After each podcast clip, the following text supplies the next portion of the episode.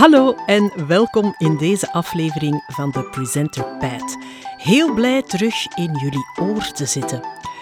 De afgelopen twintig jaar heb ik heel veel presentaties mogen verzorgen, zowel op tv als radio, maar ook bijvoorbeeld bedrijfspresentaties in binnen- en buitenland. Ik zorgde ervoor dat anderen konden schitteren op het podium en dat evenementen feilloos aan elkaar werden gepraat. En als jullie zeggen, die stem, die ken ik, dan komt dat misschien hierdoor. Goedenavond, dames en heren, en welkom voor de nieuwe Euromillions en Joker Plus trekking op vrijdag 9 juni 2023.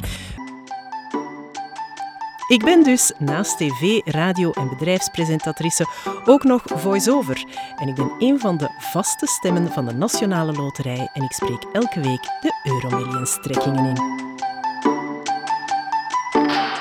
Vandaag wil ik heel graag al die kennis met jou delen en jou de nodige tools aanreiken om zelf super hard dat podium te pakken.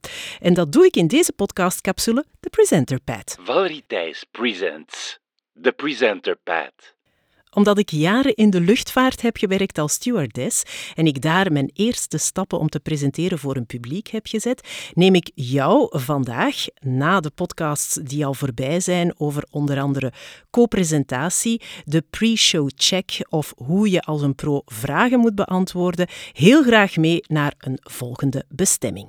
Ladies and gentlemen, we ask that you please fasten your seatbelts at this time and secure all baggage underneath your seat Welkom dus bij Valerie Thijs Presents, de Presenter Pad.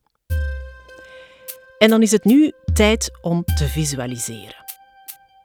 Beeld je in. Je staat klaar om aan je presentatie te beginnen.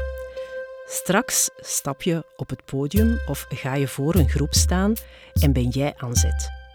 Misschien voel je ondertussen je ademhaling al versnellen je hart bonst een klein beetje harder en je krijgt misschien een krop in de keel of een knoop in de maag.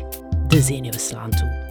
Hoe kun je straks nog rustig dat podium pakken en ontspannen presenteren? Eén ding is zeker, zorg alvast altijd voor een glaasje water of een flesje water. Ik vertel je straks waarom. In deze aflevering ga ik het hebben over de ademhaling en hoe die je kan helpen of blokkeren tijdens een presentatie. Je ademhaling onder controle hebben en houden voor en tijdens een presentatie, dat is cruciaal. Bewustzijn van je ademhaling is dus erg belangrijk. We ademen allemaal en we doen dat automatisch sinds de dag dat we geboren zijn. We zijn daar dus helemaal niet mee bezig in ons dagdagelijks leven. Nu, hoe cruciaal kunnen ademen en goed ademen is, moet je maar eens vragen aan mensen die ademhalingsproblemen hebben. Of zoals ik, lichte vorm van astma en af en toe wat problemen hebben als ze in een slecht verluchte ruimte zitten of als er dicht bij hen gerookt wordt. Door je zuurstofopname te vergroten, kan je uiteraard beter presteren, zowel fysiek als mentaal, en daar horen presentaties ook bij. Misschien kunnen we eerst en vooral een test doen. Dit is een test die eigenlijk bedoeld is voor sporters, maar hey, presenteren dat is af en toe ook wel wat topsport, dus ik denk dat dat hier niet misplaatst is. Ik ga eerst alles uitleggen en dan gaan we de oefening of de test zelf samen doen. We gaan bepalen wat jouw BOLT is, de Body Oxygen Level Test. Die werd ontwikkeld door Patrick McKeown en we doen die test zometeen samen opgepast. Er is alvast een instructie. Deze test kan je niet doen als je aan het luisteren bent in je auto of als je een inspanning aan het leveren bent. Je kan die test dus uiteraard als je in die twee situaties zit later ook nog doen. Wat je nodig hebt is een stopwatch. Die zit in iedere uh, telefoon. Je moet rechtop gaan zitten, dus met een rechte rug, of plat gaan liggen. En je moet een paar keer heel diep in- en uitademen via de neus. Als je dat een paar keer gedaan hebt, dan kom je aan het einde van de volgende ademhaling. Dus je blaast alles terug uit via je neus. En dan start je de timer en houd je de adem, de laatste adem, vast. Dit is niet hetzelfde als je adem inhouden als je net ingeademd hebt. Nee, je gaat hier dus uitademen en op het einde van die ademhaling houd je je adem vast. Zodra je voelt dat je niet meer kan en dat je moet ademen, Dan adem je terug, uiteraard. We willen u niet doen stikken of hyperventileren en je stopt de klok. Goed, we gaan dat nu samen doen en ik doe dat met jullie mee. Dus we ademen een paar keer diep in en uit. Ondertussen mogen jullie dat doen. En zo meteen gaan we op het einde van de ademhaling onze adem vasthouden en wachten tot we terug adem moeten binnenkrijgen.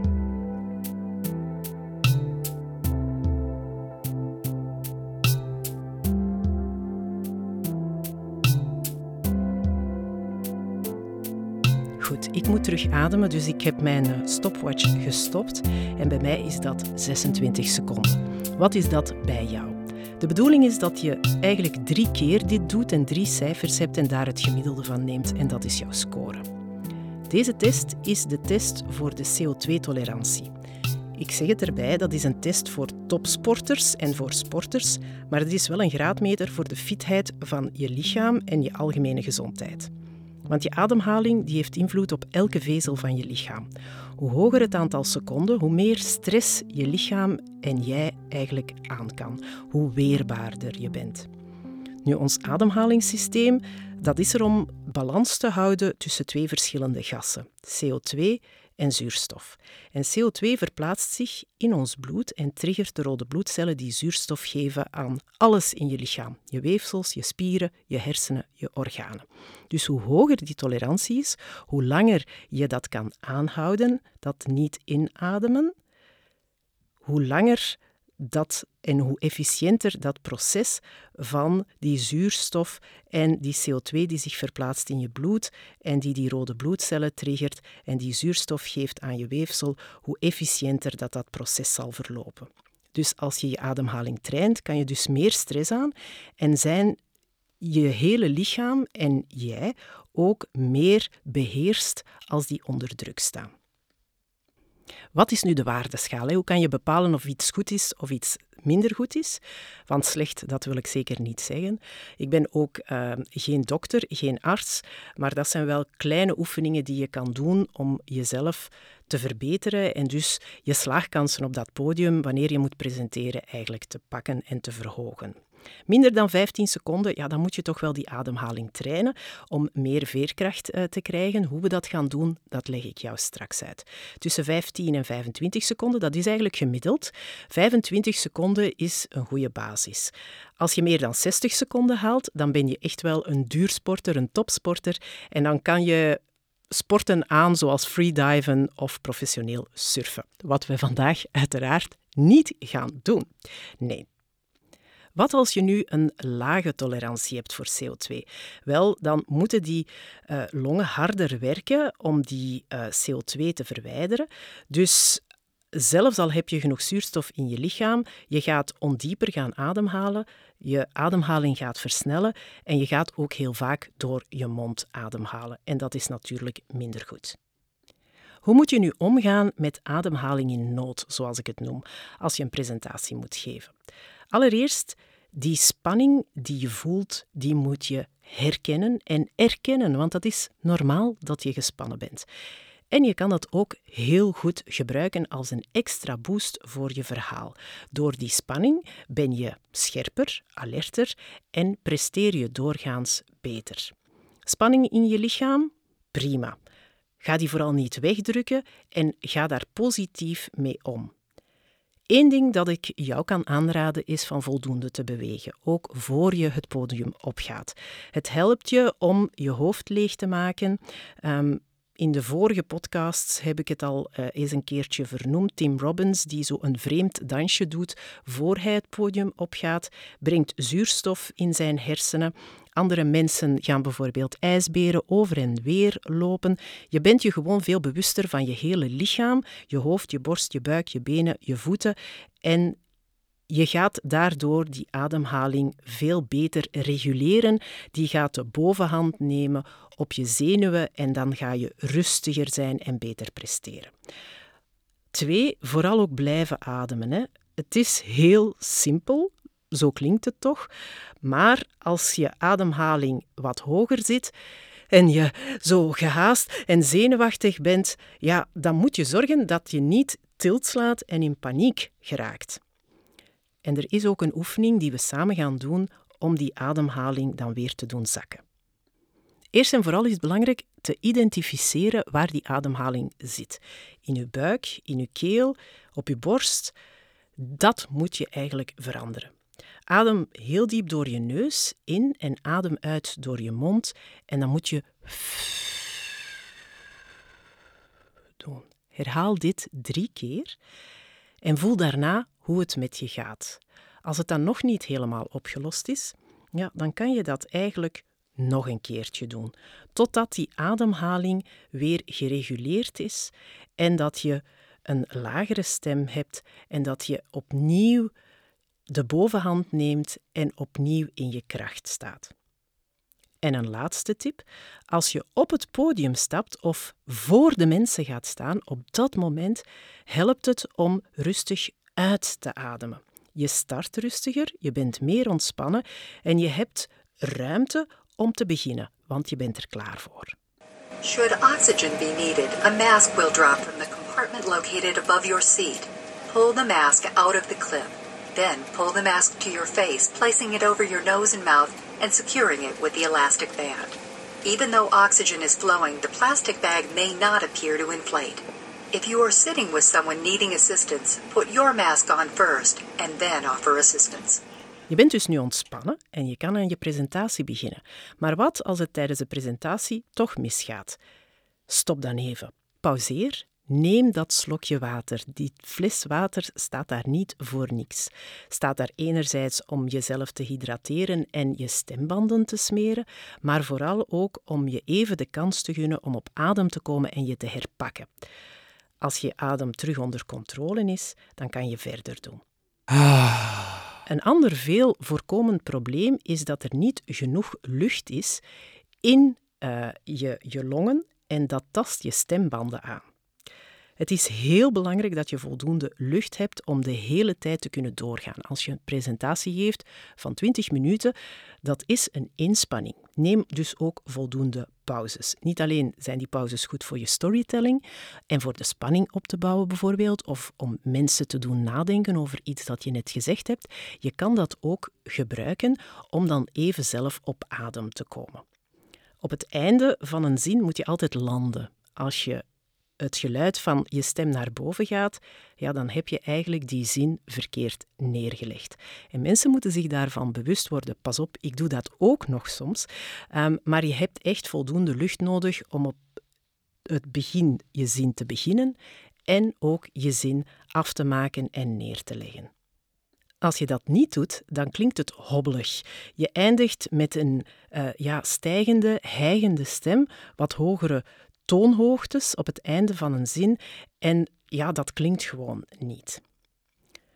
Een heel specifiek voorbeeld van hoe je niet moet praten is door het gebruik van de vocal fry. I, interesting, naked, take selfies, guys do. About it, no, line, line, decade ago, I'm here. Als je nu wil weten wat die vocal fry is, dan kan je dat uiteraard googelen. Google het samen met het woord of de naam Kim Kardashian. I've never seen before, so it's always fun to look. Best selfie taker selfies, half and half, a million times. Kim Kardashian die spreekt met vocal fry. Maar ook bijvoorbeeld Paris Hilton doet dat. Um, en no offense, dat is echt iets voor jonge vrouwen. En nu voel ik mij een beetje raar, omdat ik moet zeggen van ik ben geen jonge vrouw meer, ik doe dat niet meer. Ik doe dat niet meer en heel bewust niet of niet, ik heb dat zelfs nooit gedaan, net omdat het heel slecht is voor je stembanden. Je praat dus niet meer vooraan in je mond, maar achteraan in je mond. En dat klinkt trillend en zoals een beetje getik, zoals het knitteren van vlees in een pan of een stok die langs de reling zo geduwd wordt. En door sommige lettergrepen te verlengen, krijg je een soort van vibratie in de keel. Vocal fry treedt op wanneer er niet genoeg adem door de stembanden wordt geduwd. Als we ademen, gaan onze stembanden uit elkaar. Als we spreken, wrijven die koorden eigenlijk tegen elkaar en die trilling die creëert geluid. Als je ademloos spreekt, dus niet voldoende zuurstof en adem hebt, kunnen die stembanden niet tegen elkaar wrijven en maken ze een krakend hol geluid. En nu komt het meest spannende moment van de podcast, want nu moet ik een voorbeeld geven, zodat jullie kunnen horen wat het is. Ik ga het in het Engels moeten doen. Als je Kim Kardashian no way hoort zeggen, dan zegt ze no way. Whatever, whatever. En nog iets dat we toch vaak gehoord hebben als jullie fan waren van Britney Spears. In um, ja, de outline Oh Baby Baby, in het nummer uh, Baby uh, One More Time, Hit Me One More Time, zegt ze Oh baby baby. Oh baby baby. Oh baby baby. Oh, it's beautiful. But wait a minute, isn't this? Yeah, yes it is. Dat is dus de vocal fry. Niet alleen is het belastend voor je stem, maar studies hebben ook aangetoond dat uw publiek u als minder intelligent, minder zeker van jezelf, minder betrouwbaar, minder bekwaam, minder opgeleid en minder aantrekkelijk, nu dat valt nog te betwisten, zien. En je zou je stem kunnen beschadigen. Trouwens, het is ook heel vermoeiend om zo te spreken. Je keel kan zwellen en je spieren van je keel kunnen zich op den duur beginnen herinneren hoe dat, dat eraan toe gaat en dat altijd blijven doen. En dat is gewoon heel slecht voor je stembanden. Dus om dit te voorkomen is het heel belangrijk om goed te ademen, maar ook gewoon bewust te zijn van hoe je praat. Beter ademen, dat kan je trainen. Elke dag 10 minuten kan op enkele weken tijd wonderen doen om voldoende zuurstof op te nemen om zo lange presentaties te geven. Hoe kan je dat nu doen? Ik had jullie beloofd van nog een oefening te geven hoe je dat kan trainen. Je moet eigenlijk ademhalen met je buik, het onderste deel van je longen vullen als je inademt in het bovenste deel van je longen, dan spant dat daar allemaal en dan hoor je dat. Mensen met een krachtige stem en presence, die zijn niet gespannen, die zijn ontspannen. Dus daar zit de lucht beneden in de longen en niet van boven in de longen, net onder uh, de, de hals. Ik ga nu met jullie een ademhalingsoefening doen. Dus het is de bedoeling dat je met je buik die buik vult met lucht en dat je eigenlijk gaat uitademen. En je doet dat vier of vijf keer. Je lichaam gaat dan in rustmodus, want uiteraard, kalmte kan je altijd redden. Adem in, tel tot vier, houd vast en adem ook vier tellen uit. En daar moet je eigenlijk mee experimenteren. Je kan van 3 tot 4 seconden inademen, vasthouden en uitblazen, naar 8 seconden gaan en dat steeds langer en langer doen. En zo kan je je adem trainen. Dus we gaan dat nu samen eventjes doen. Dus ik vul ook mijn buik met lucht. Daarna houd ik het 4-5 seconden vast en dan blaas ik het weer uit. We zijn vertrokken.